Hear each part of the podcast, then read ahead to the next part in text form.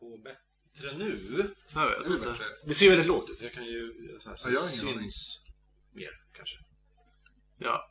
Sen kan vi fälla ner locket lite så vi inte ser den där jävla skiten. Ja, så Kommer kan vi inte, göra. kommer inte, kommer inte pausa då? Eller? Nej, nej men jag kör så. Det är så här, halvfäller ner den.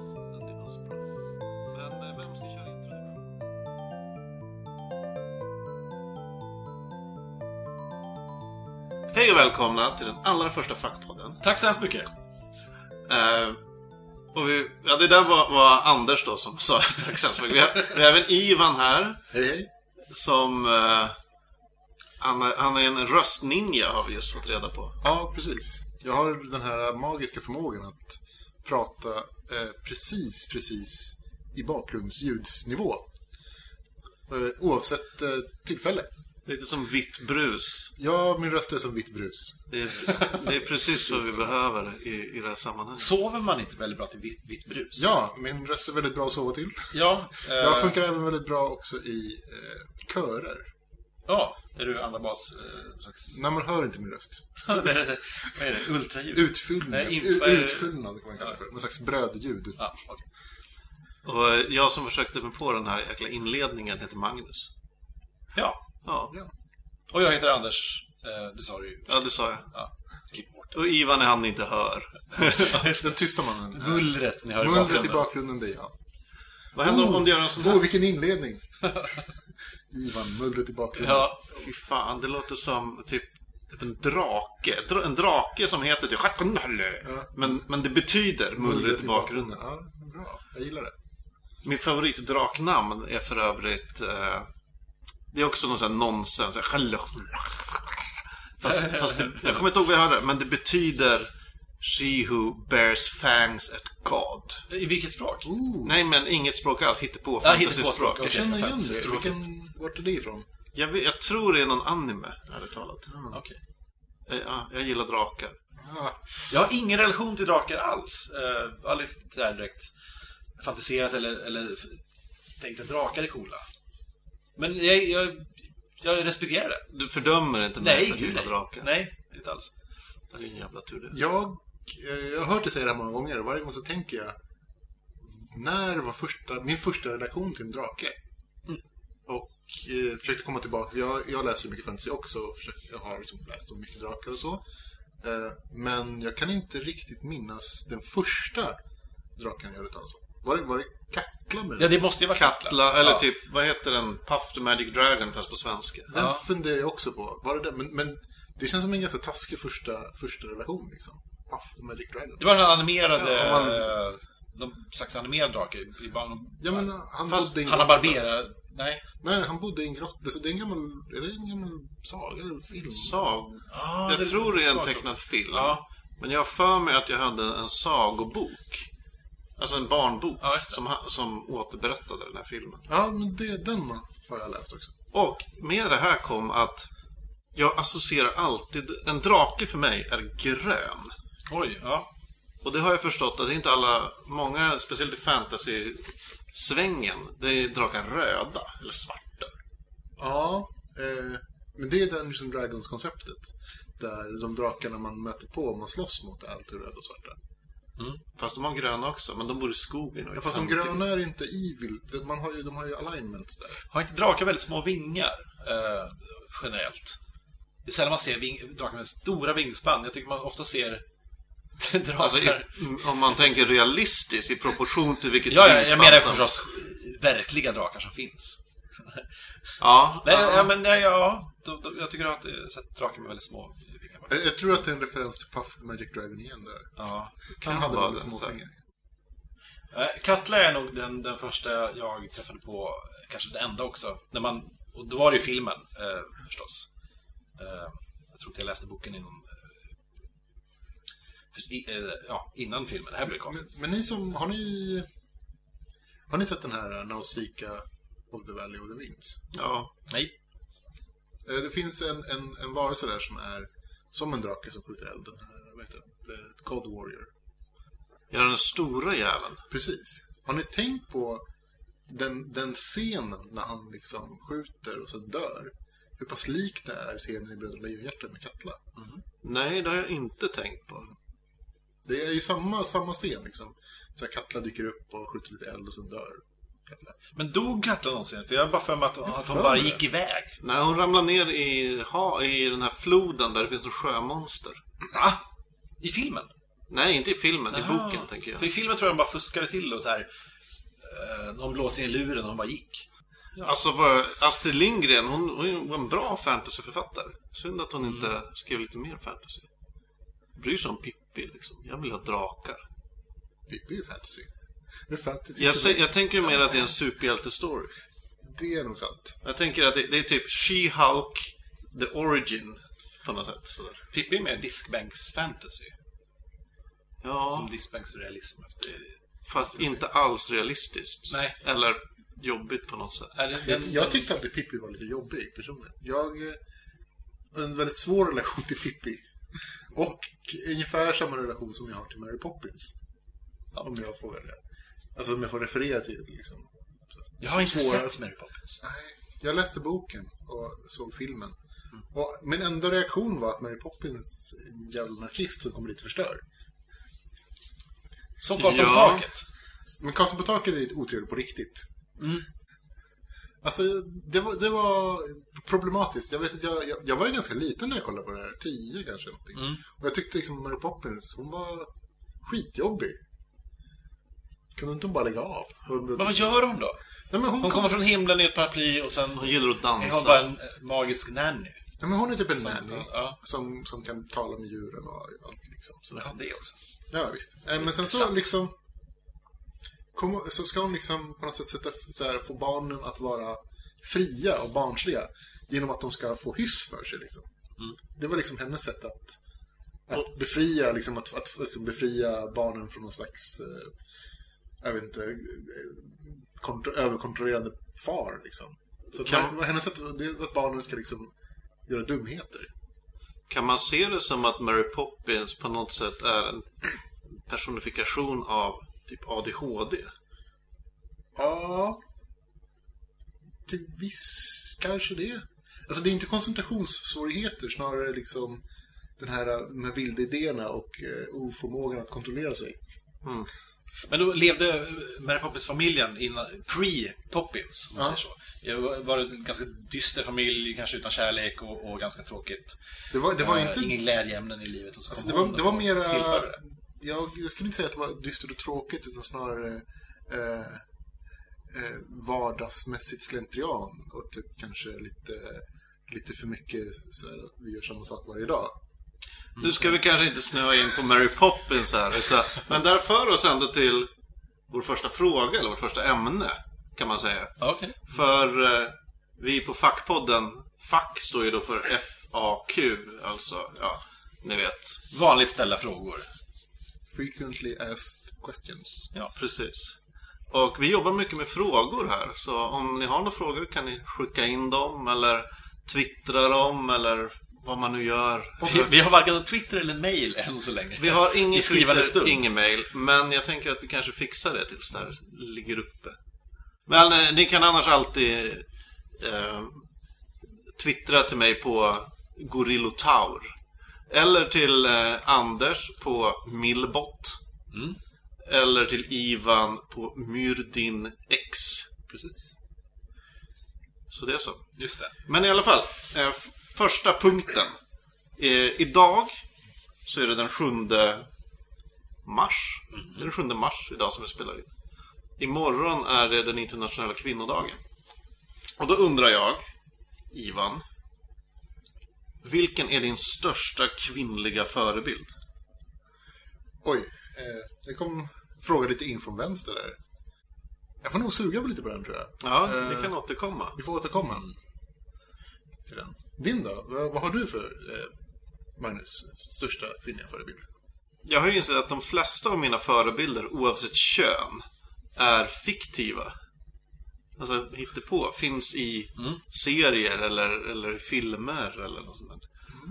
Men Jag tror min allra största kvinnliga förebild är eh, Granny Weatherwax i Terry Pratchetts böcker om skivvärlden.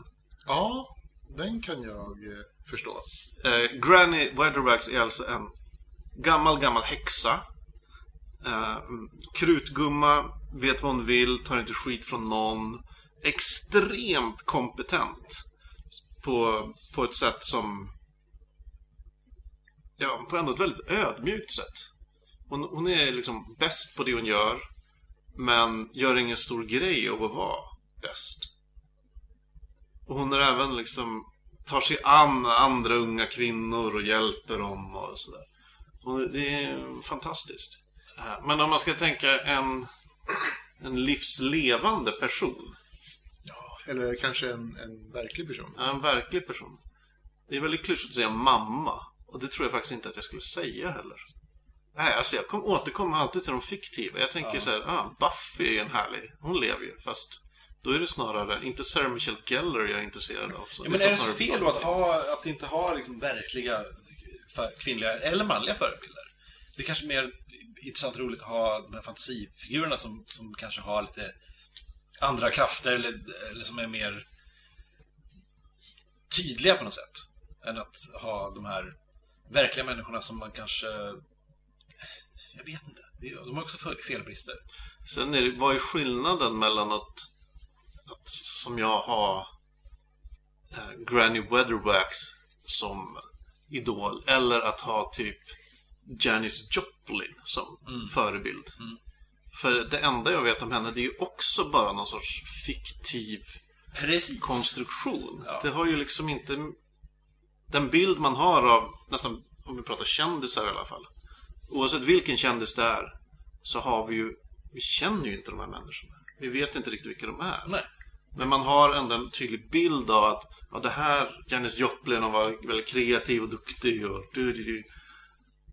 Ikonstatusen gör ju att man blir ganska en, ensidig. Så att säga. Mm. Man, man får ju inte en, en varierad bild av en person eh, som är en ikon. Nej. Det, det, är liksom, det ingår lite i konceptet att man ska vara eh, liksom, visa upp en sida som är kanske lite extrem. Det går ju inte att, att, att vara en ikon och vara mångbottnad, eh, liksom fullständig människa. Man Nej, kan inte säga så här, verkligen Janis. Joplin, hon var jättebra på musik, men sen så... Sen, Hon hon var ganska dålig på att samla frimärken.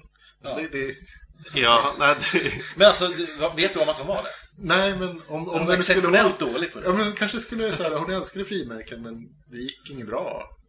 Hon, hon tog fel hela tiden. Hur kan man vara dålig? Ah, man är en kass filatelist liksom. Ja. Mm.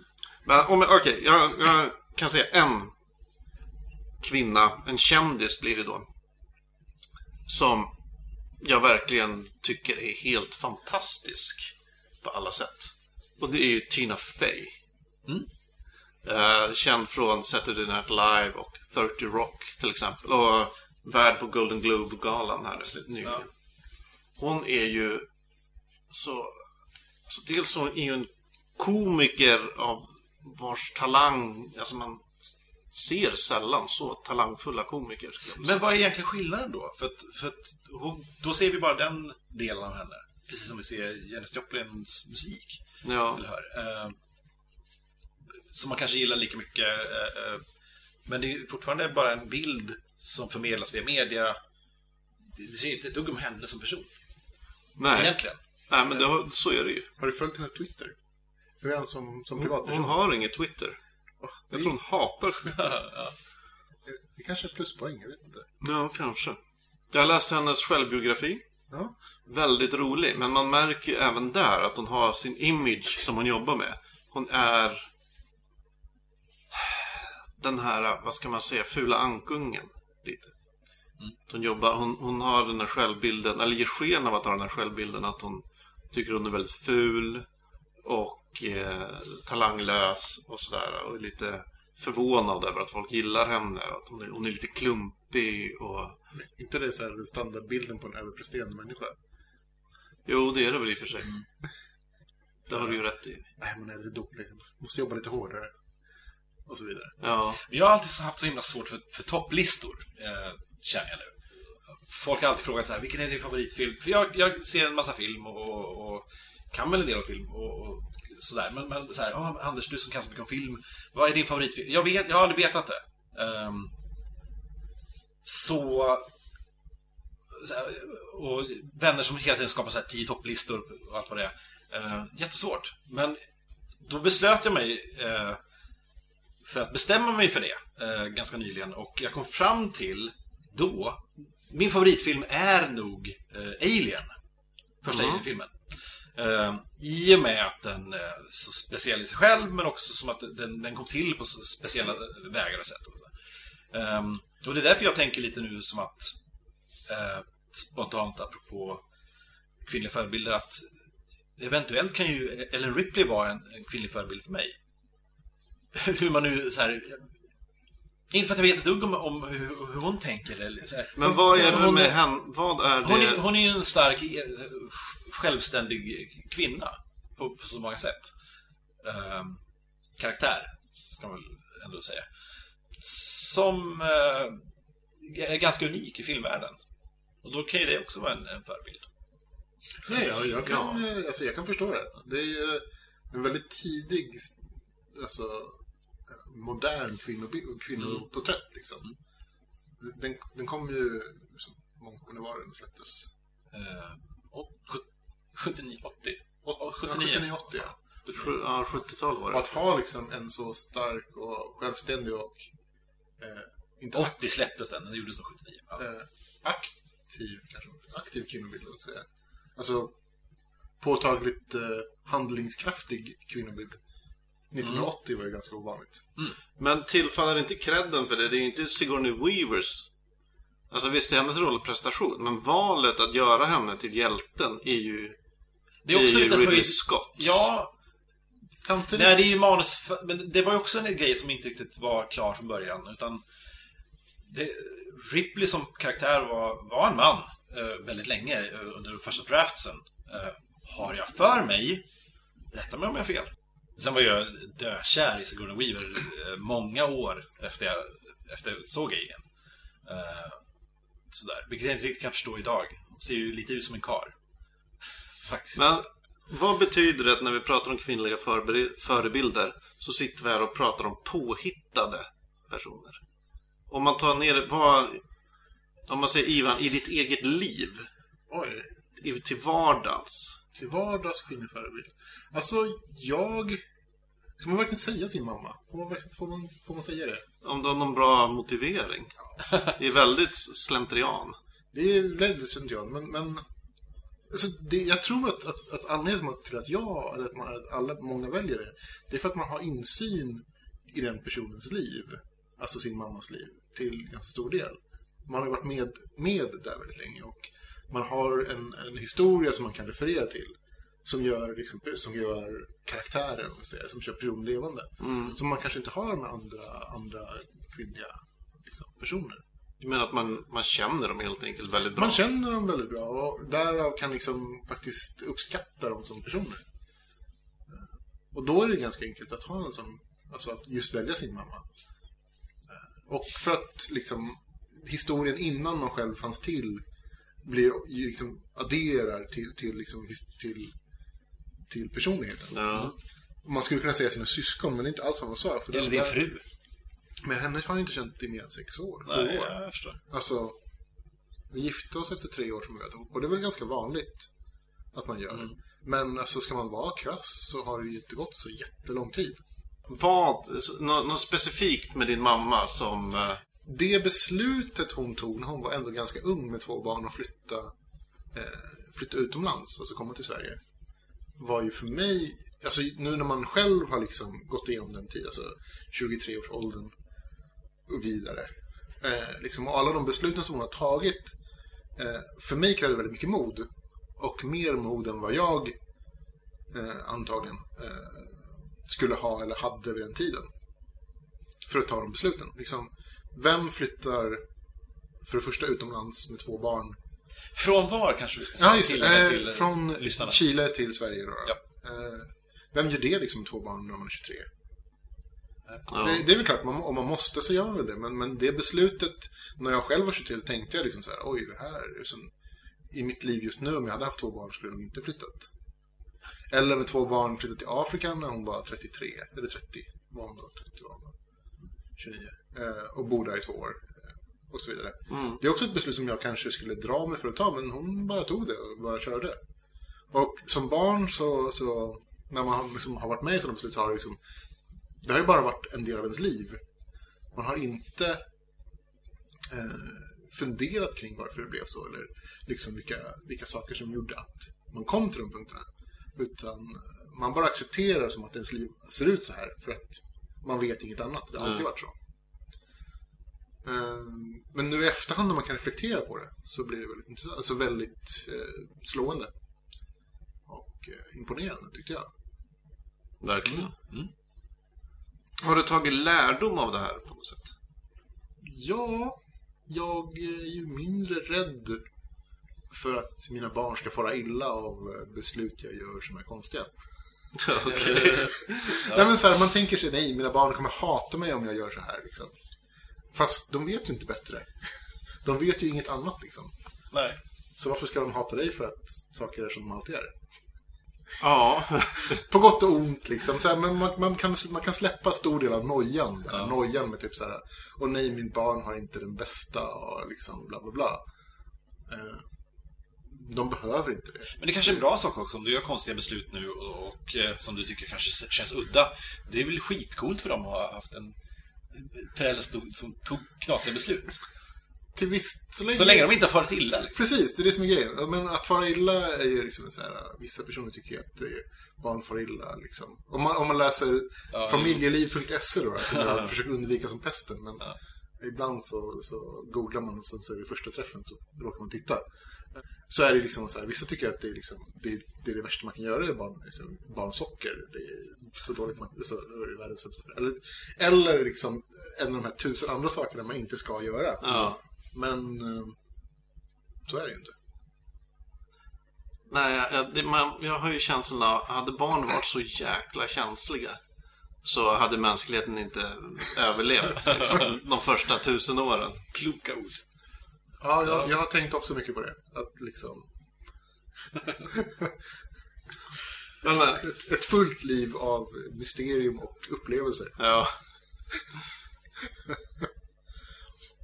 Eh, Anders, Ja, eh, någon i din närhet som...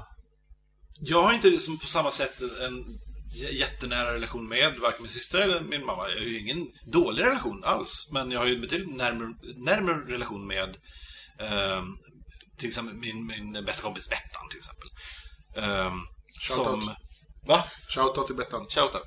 Precis. Tjatat tycker jag. Ja, förlåt. Det var min ninja-röst igen. Ja, ja just det. Ehm, som ändå, jag känner, tänker väldigt mycket som jag gör och eh, kan relatera till mycket som, saker som jag, jag tänker och sådär. En person man öppnar sig för och så vidare. Eh, och hon gör ju också lite så här bra beslut ibland. Som, man, som känns som att så här, shit, det borde jag också göra kanske ibland. Eh, som att så hon är nog den närmsta kvinnliga förebilden jag kommer. Jag antar att du lyssnar på det här Bettan, så att... Uh, Shoutout.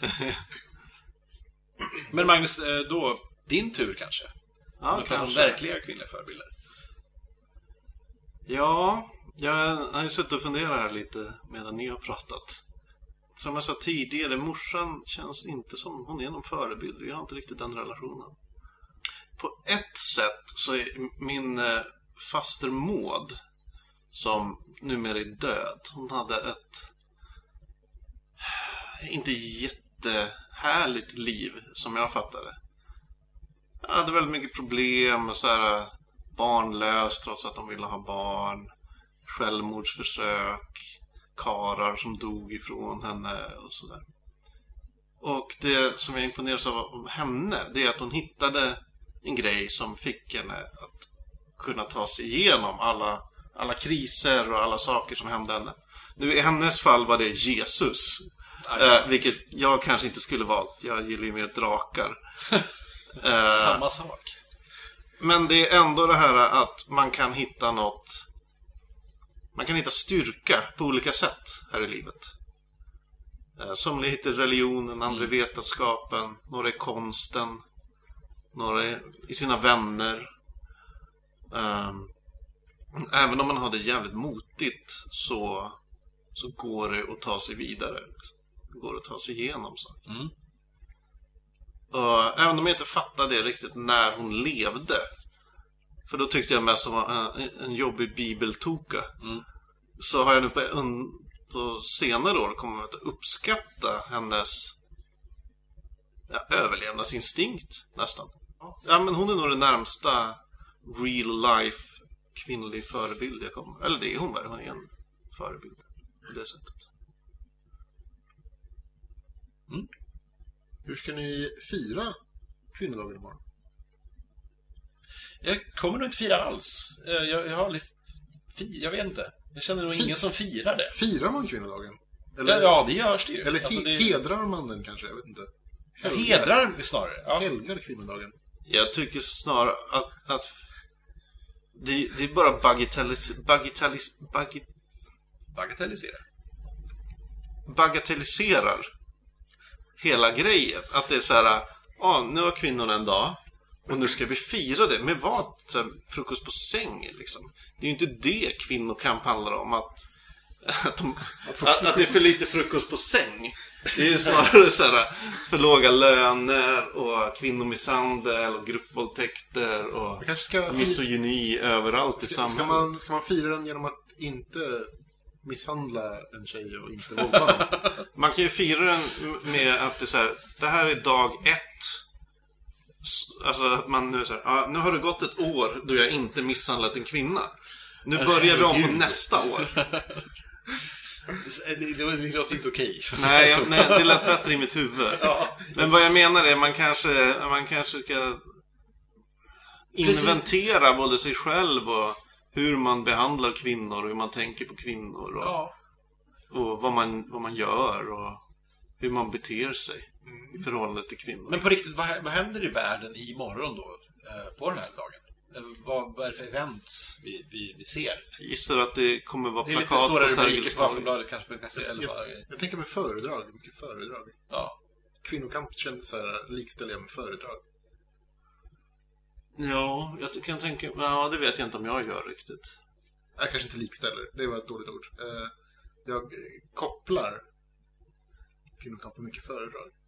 Jag vet inte, Är det, det att man tänker att det är teoretiskt? Att det är så genusteori mycket? Att det är... kanske, det kanske bara är jag som kopplar. Det- Nej, det är... Nej, nej och, ja. Mm. Mycket snack. Lite verkstad. Jag tror det är lätt att, att trilla dit och tro att det är liksom teori. Men i själva verket så har man ju massor med, med eh, kvinnor i sin närhet som man faktiskt kan göra något gulligt för. Om, om jag jämför det här med liksom arbetardagen eller första maj. Så då, då kopplar jag det med liksom plakat och folk som marscherar liksom på gatorna. Men det gör jag inte med kvinnodagen, liksom, med kvinnokamp. Det kopplar jag inte med liksom, folk som marscherar på gatorna och Nej, vimplar och, och och tutar. barnkörer. Nej, Kanske borde det vara så. Det kanske borde vara så. Absolut. Utan min så här, första tanke i huvudet är ju liksom eh, någon som pratar om, om så här, problem. Då tänker jag så här, misogyni och, Mm. och så vidare. Ja, men jag tror det är lite som du sa Anders. Det är väldigt lätt att hamna i någon sorts teoretiskt plan när man, Ja. när man pratar eh, kvinnors frigörelse och det ena med det andra. Det är ett problem. feminism. Jag tycker att det är ett problem. Jag känner mig alltid så ett sjukligt underläge eh, när folk pratar eh, genusteori. För att jag kan ingenting om det. Eller jag kan inte Nej, tillräckligt här. mycket för att hålla en bra diskussion. Mm. Jag kan så här, anta saker och ha åsikter kring saker som jag egentligen inte kan styrka på något sätt. Och så fort någon säger någonting om liksom, ja, någon forskning som har gjorts eller någon som har skrivit något eller en känd teoretiker inom det här ämnet så kan inte jag koppla överhuvudtaget. Så känner man sig som så här, dummast i klassen igen. Jag ska, jag ska fira kanske genom att, eh, och håll i er nu, kanske spela eh, Tomb Raider. Då tänker ni, men herregud, det kanske är det mest eh, Kvinnofjäll. kvinnofientliga spelet. Nej, de har ju återuppfunnit spelet eh, och tagit eh, de här frågorna i beaktning. Eh, hon, hon, karaktären i spelet är ju inte, Lara Croft är ju inte ett, ett våp längre, utan hon är en eh, ung tjej som, som är precis som vem som helst. Men var hon någonsin ett våp? Igen, om jag tänker första Tomb Ja, Raider-spelet. hon hade attityd och, och ganska stora... en, en väldigt stora behag. Ja. Men hon var ju en doer. Alltså Det- hon gjorde Är saker. det sant? Hon var inte beroende av någon man. Eh, hon hade hade sin egen karriär, Mm. så att säga. Det var mera storyn för mig var ju alltså att allting kretsade alltid kring en man i historien. Det var ju väldigt Ja. sällan historien Mm. inte kretsade kring en man som liksom eh, som eh, hade koppling till den här tomben hon skulle raida. Hennes Ja, fiende var ofta en man. Du Ja, inte bara det, också hennes Ja, kärleksint- det har varit, kär- eh, kärleksintresse, fiende, fast inte det, utan det var alltid en man som hon jagade kring som hade den här saken som hon skulle ta men som han hade tagit ifrån henne. Mm. Eller hon ska ta den här saken och sen så kommer en man och sveper in och tar den ifrån henne. Alltså det, det är alltid en man som liksom verkligen... Som, som Jag håller inte riktigt med. Alltså. Det, det har varit eh, nog lika mycket tjejer som har varit bad guys. Bad gals. Bad girls. Bad girls. Bad gals. Ja, ja, så det är kanske så jag firar. Ja, Ja. Och för ett annat ämne. Kanske man ska korka upp vinet. Ja. ja. Ska vi ta paus? Vi kan ju faktiskt pausa. Vi kan pausa. Vi kan pausa. Ja, då är vi tillbaka till eh, FAQ-podd, eller FAQ-podd, eller vad det nu heter. Fackpodd. Det heter FAQ-podd. Jag är lite kanske för pryd för att säga, ta ordet i min mun, som man säger. Då kanske vi ska prata om, i och med att det här är faktiskt första gången vi spelar in, så vi kan väl prata lite om influenser från andra podcasts, helt enkelt. Så att, så att lyssnarna kanske vet var vi kommer ifrån, vilka, vilka vi följer, så de inte tycker att eh, shit, nu upprepar ni precis vad de andra säger. Och det är mycket möjligt att vi kommer göra det. Alltid sist på bollen. Alltid sist på bollen kommer vi bra. Ehm, så kanske jag kan bolla över frågan till dig Magnus. Vad, vad lyssnar du på för podcasts? Ja, alltså pods, poddar är Poddar. en ganska ny företeelse för mig. Säg kanske ett år, ett år tillbaka. Eh, just nu lyssnar jag på uh, Palmemordspodden. vad är det för något? Alltså, Det är en podd. Det som, eh, ja, oh, jag kommer inte ihåg vad, vad snubben som driver den heter. Palme. Palmemordspodden. Det är, varje avsnitt tar de upp ett spår. Ett spår i Palmeutredningen, till exempel 33-åringen, eh, kurdspåret, eh, Lisbeth Palmes... PLO-spåret, Ja, det- Säpo. Ja, vad har vi mer etc. spår? Vi har ju lilla Chris Pettersson-spåret också. Vi har Ted Gärdestad-spåret. Just det. Oj, Ted. Gärdestad. Har, Ja. har, har du inte? Det är Nej, vad spännande. Eh, jag, jag kan rekommendera. Den, den är... Men det måste ändå vara ett an, fast antal. De kan inte hålla på hur länge som helst. Jag gissar att det finns jättemånga crackpot-teorier där ute på nätet som de kan nog hålla på hur länge som helst. Men hur, hur gör de då? Har de en... en eh, eh, hur, vad tänker jag, en professionell eh, spanare som spanar eller? Nej, det, det, vi har då Världen, som jag inte kommer ihåg vad han heter. Var det Kringland Svensson som var inblandad? Som Nej, han har varit gäst någon gång tror jag. Jaha, okej. Det är inte Hans Holmér. Det är inte han som... Det är äh, en, någon, en snubbe, vi, vi kallar honom A. eh, som har in en gäst, en, olika, en roterande gäst varje gång. Eh, för att diskutera det här spåret. Och ingen av dem är experter på något sätt. Det är väldigt mycket lösa spekulationer, väldigt mycket så här. äh, Skulle du se dig själv som en äh, ensam galning eller en del i en konspiration? Eh, mycket sådana grejer. Det är fantastiskt roligt. Ibland skrattar jag eh, högt och länge. Roligt. Eh, jag lyssnade även rätt nyligen på Rikets sal slash Crazy Town. Som är... Där är Kringland Svensson med. Okej. Där är Kringland Svensson med. Och en kvinna. Vars namn jag inte kommer ihåg. Vilket är jättedumt eftersom det här då är dagen innan internationella kvinnodagen. Eh, Men de pratar om högt och lågt och stort och smått och det är roligt och underhållande. Men det är ingen direkt humor eh, podd, utan det är... Nej, det De är jag, bara jag, vet, roliga. jag vet inte hur man skulle kunna genrebestämma dem. Typ Nej. prata om livet-podd på något Ja. sätt. Jag lyssnar även på En varg söker sin podd. Som är två kvinnor vars namn jag inte kommer ihåg. Det verkar vara inte en trend där. ja. Eh, Men det är Expressen Kultur som ligger bakom den här podden. Nej, jätteroligt. Jag kan rekommendera deras Stig Larsson-avsnitt. Fantastiskt. Mm. Fantastiskt avsnitt. Oh, jag måste nästan kolla på det. Jag har ett så komplicerat förhållande till Stig Larsson. Ja. Eller det är inte så komplicerat, det är inte Det så har han komplicerat säkert egentligen. själv också. Jag hatar honom. ja. Det Jag tycker- fair enough skulle jag vilja säga. Förskräckligt. Förskräckliga böcker som jag tvingade mig igenom. Nu, Ja, nu tänk, du tänker inte på Stig Larsson? Uh, uttalar man det annorlunda? Nej. Nej, Nej, okej. Nej, då tänker jag på fel. Steg. Det är inte män som hatar kvinnor. Eh, honom tänkte jag på. Det här är eh, den va? andra den som andra, den lite Ja. mer finkulturella författaren som bara stavar det säger Stig. konstiga S-T-I-G. saker. Ja. Ja, nej, då, då tänkte jag på fel. Han som eh, Jag kan hata gillar att på det. piska upp unga tjejer. Ja, men då Jag kanske jag hatar honom honom också. På ren princip. Män Ja. som hatar Stig Larsson. Män som hatar Stig Larsson.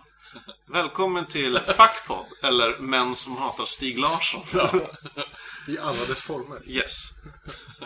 Um, ja, men de lyssnar jag på. Mm. Eh, nu ska vi se. Ett tag lyssnade jag på Overkligt, en spelpodd med, med eh, vad fan heter han? Victor Leijonhufvud bland annat. Ja, just det. Min eh, en gam som jag tidigare har samarbetat med, sen varit lite ovän med och nu är vi typ Twitterkompisar. I don't know. okej. Den är bra. De, de pratar, det är två timmar de pratar om tv-spel ungefär. Roligt. Och alla möjliga sorters grejer. Ehm, nu har jag börjat, jag, jag jobbar ju på Aftonbladet och Aftonbladet Kultur har i samarbete med Galago uh, börjat göra en, en podcast som heter Flumskolan. Så det kommer ett avsnitt än. Det handlar i princip att mer eller mindre kända människor sitter och pratar om ja, typ böcker man inte visste fanns. Mm. Första avsnittet handlar om eh, Fredrik Reinfeldts, vad heter den? Det sovande folket, Ja, tror jag. Roman. Från 90 någonting. Mm. Det är väldigt underhållande. Eh, under säsongen ska de ta upp bland annat Åke Olmarks eh, Tolkien och den svarta magin. Oh. Just det. eh, Atlas Shrugged av eh, What's Her Name. Ayn Rand. Just det.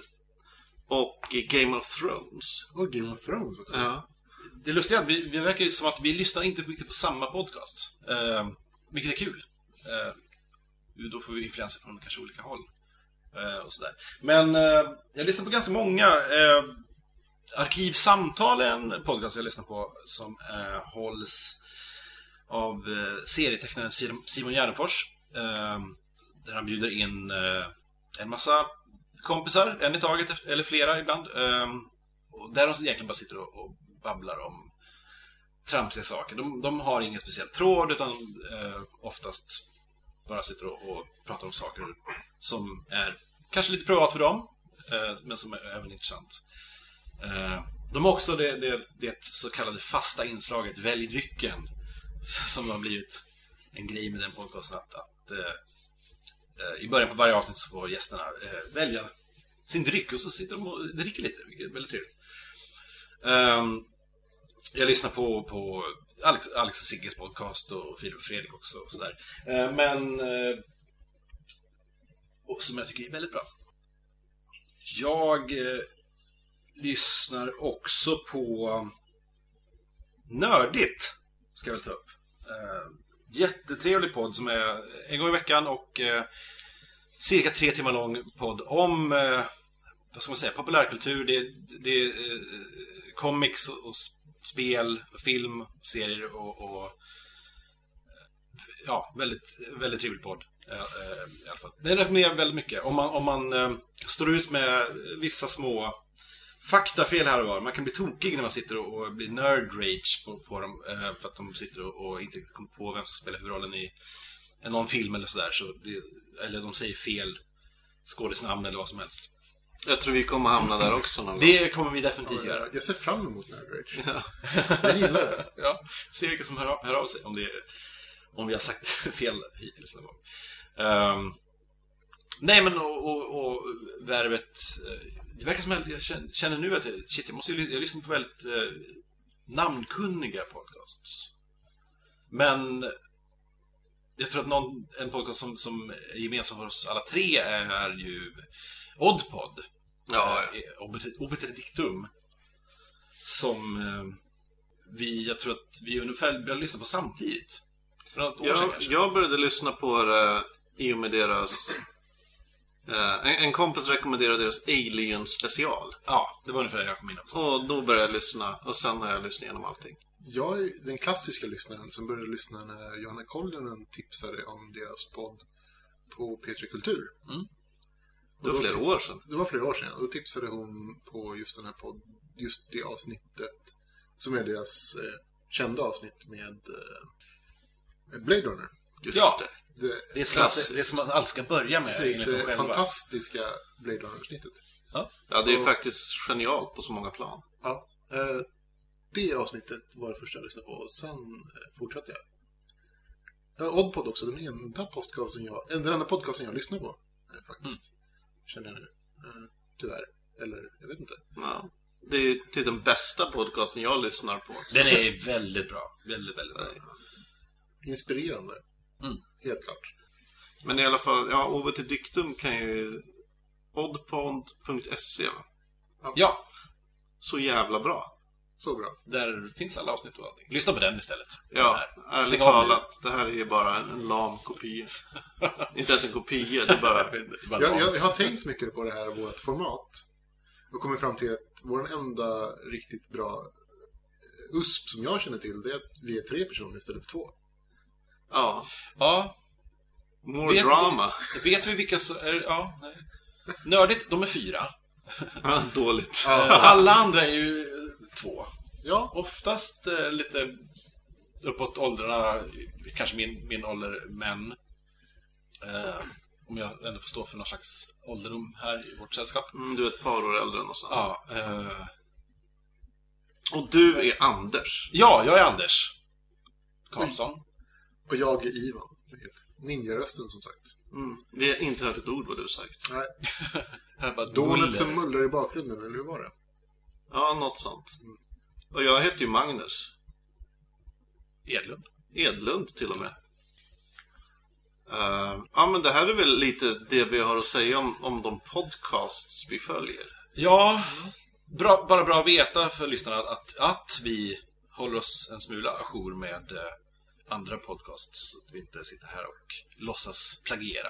Eh, och vi låtsas inte heller vara först med någonting. Nej, vi kommer aldrig vara först med någonting. Det var ju våran andra USP. Ja. Sist på bollen. Sist på bollen. Bå- Både sist att starta en podcast, Ja. men även sist att ta upp ämnena.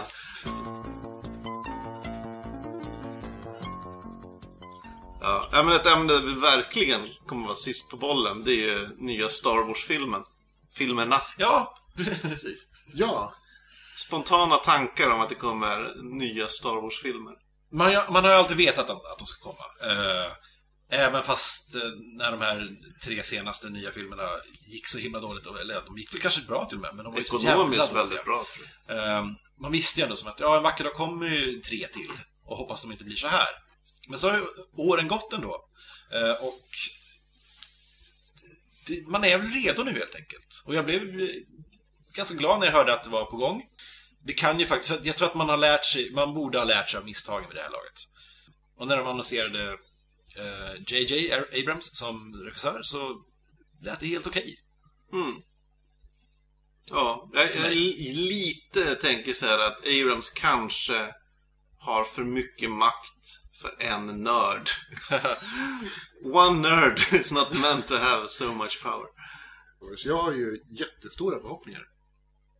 Mm. Eh, har också ett väldigt komplicerat förhållande till Star Wars. Mhm. Jag gillar Star Wars jättemycket. Jag såg ju alla filmerna på bio, alltså även de första, när jag var liten. Ja, coolt. Det är inte många som har gjort. Nej, det gjorde inte eh, jag, jag, eh, de visar dem i Spanien, på spanska. Ja. Så då kan man se dem då. Det var bra, El Artudito. till exempel. Hela, ja. Nej, alltså det, det, ja, vad jag minns så, så var det ingen större skillnad. Det är inte ett fantastiskt eh, manus i form av liksom, eh, samtal. Nej, det är ju inga, det är inga rollprestationer som Nej. Nox. det är väl lite, så- lite one-liners och sen så mycket pew-pew. Men det är mycket därför det funkar tror jag, för att den är byggd på sån, sån standard formulär 1A-maner. Fast den, eh, fast den har boostat upp det en hel massa extra. eh, Jag, för jag, jag gillar dem ju jättemycket, de första filmerna. Men jag gillade dem när jag var liten. Jag har ju sett dem igen och jag tycker inte alls de är lika bra längre. Nej. Nej, jag kan, jag Kan jag- kan kan känna så här att jag... Saker jag uppskattade med, med Star Wars. Eller Stjärnornas krig som det hette när jag var liten. Ja. Det det jag uppskattade då uppskattar jag inte nu. Men nu har jag hittat andra grejer som, som jag gillar. Om man säger så, då, då, då tyckte jag ju till exempel, nu, jag kanske var 8-9 när de gick på SVT första gången. Vilket var första gången jag såg dem. Mm. Då älskade jag, älskade jag ju rymdstriderna, jag älskade när Luke åkte ner där i rännan på dödsstjärnan och sådär. Use the force Luke, Ja. hela den biten. Nu tycker jag ju mer om, ja, äh, om man ska vara, dra det hårt, nu tycker jag mer om Hans Solo. Mm. Han, hans krassa, lite cyniska, världsvana sätt. Sådär. Och att han, han, det intressantaste är hans samspel med de andra karaktärerna.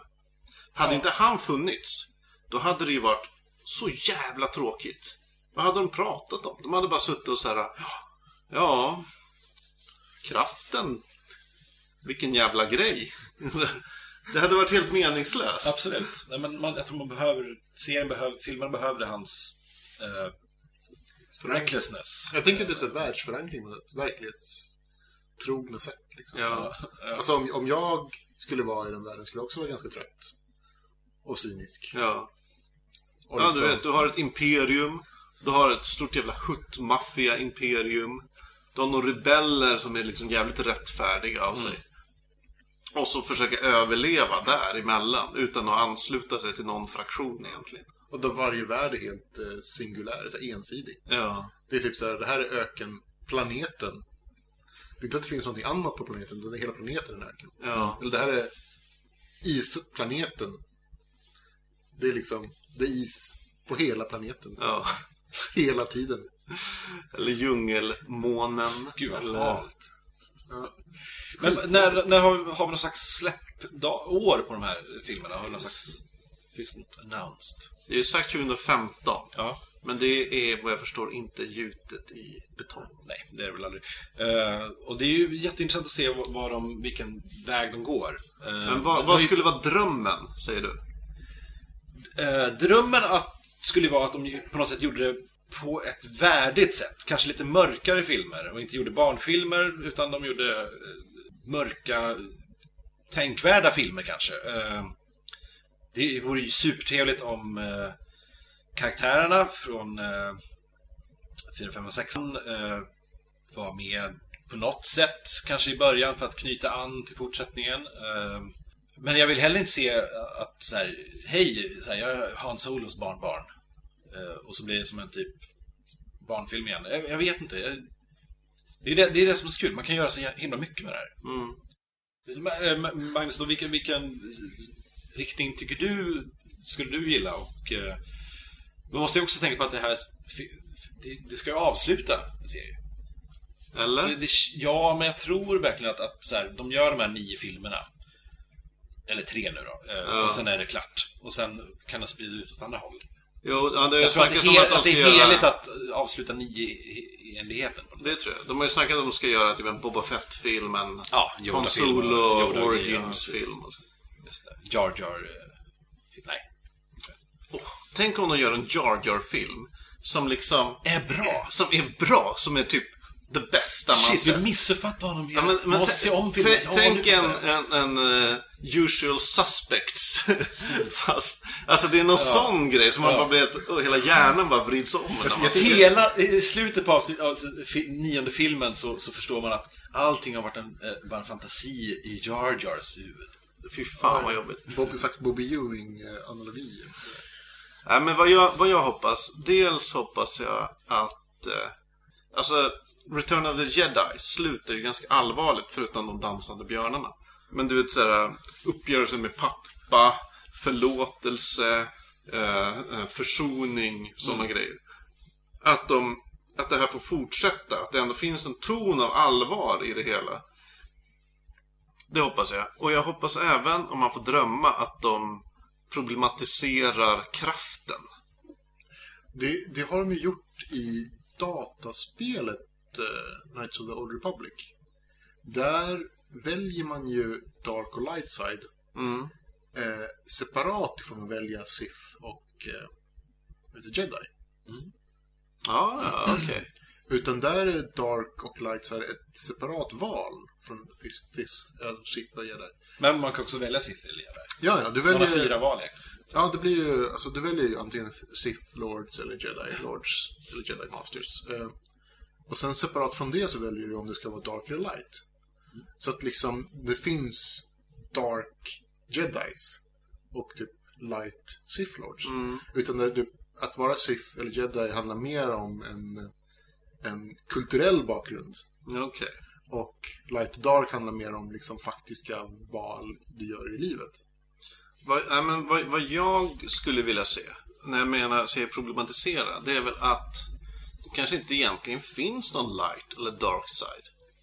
Utan att kraften bara är. Och att det är människan i sig. Det är så här, om man, man snärjs av den mörka sidan. Är det verkligen så? Snärjs man inte bara av sina, e- sin egen ambition och sina egna, sin egen moral och sådär? Kan det finnas grey jedis, till exempel? Ja. No Jedis.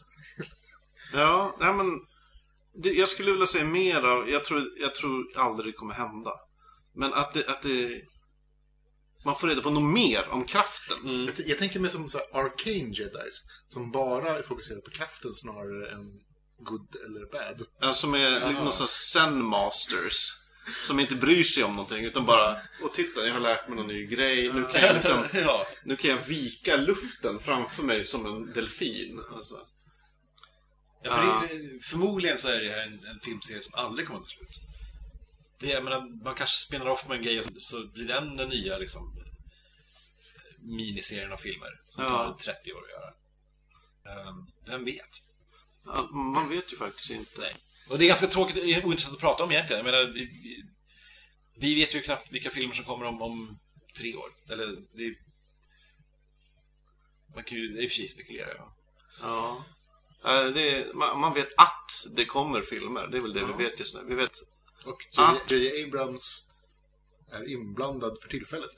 Han är för tillfället inblandad. Han verkar ganska hårt knuten ändå. Nu. Jo, ja, jo det. Men sånt där kan ju ändras. Ja, Hollywood. Och eh, kanske Carrie Fisher och Mark Hamill och Harrison Ford. Det låter ju lite som de, de tre på. Det, jag, så, Ja, fast det det, man skulle, det, man, det jag vill se, om jag nu ska vara konkret. Det är till exempel, i, i första filmen så ser man inte de här eh, gamla alls. Man, de kanske nämns, så här som Ja. eh, legender från förr, epigoner liksom. Hur, vet vi hur många år efter det här utspelar? Nej, det vet jag inte. nej.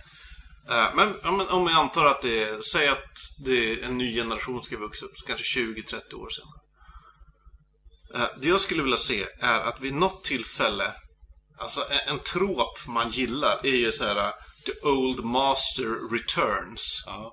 Att den här gamla pensionerade, ärrade hjälten återigen tar upp sitt lasersvärd och liksom bitter och, och liksom Det, tågar ut i världen igen. det Och- gillar vi ju jättemycket. Ja. Vad- som skulle vara så lätt tror jag för dem att falla i att Nej men vänta nu. Vi, vill, vi vet ju att, att eh, Carrie Fisher ska komma tillbaks eh, som Leia. Men what, what if she's evil? Och så visar sig hon är skurk och så det blir jättepajigt. Det vore jätteroligt. Ja. jag. Det Nej, vore, jag vet inte. Det vore fantastiskt. Det vore liksom som att hon, hon liksom fick makten och sen var inte så bra på att sköta den. Och sen blev liksom en slags despot. Ja. Eller så, tänk om de skulle göra filmerna eh, som om det bara gått 30 år. Med samma karaktärer. Det vore också Det intressant. vore att se. jätteintressant. Men ja, alltså det här att, att, att De har en Leia... podcast. De är tre stycken. Ja. Jedi-podden. den podden skulle man vilja säga. Jedi-podden. Ja.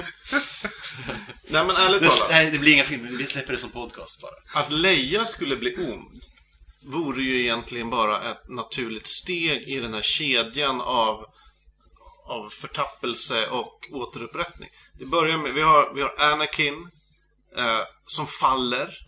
Jo. Eh. Vi har eh, Luke då som på något sätt räddar honom. Men att sen, Leia är ju också Anakins eh, barn. Att hon då faller i sin tur vore ju...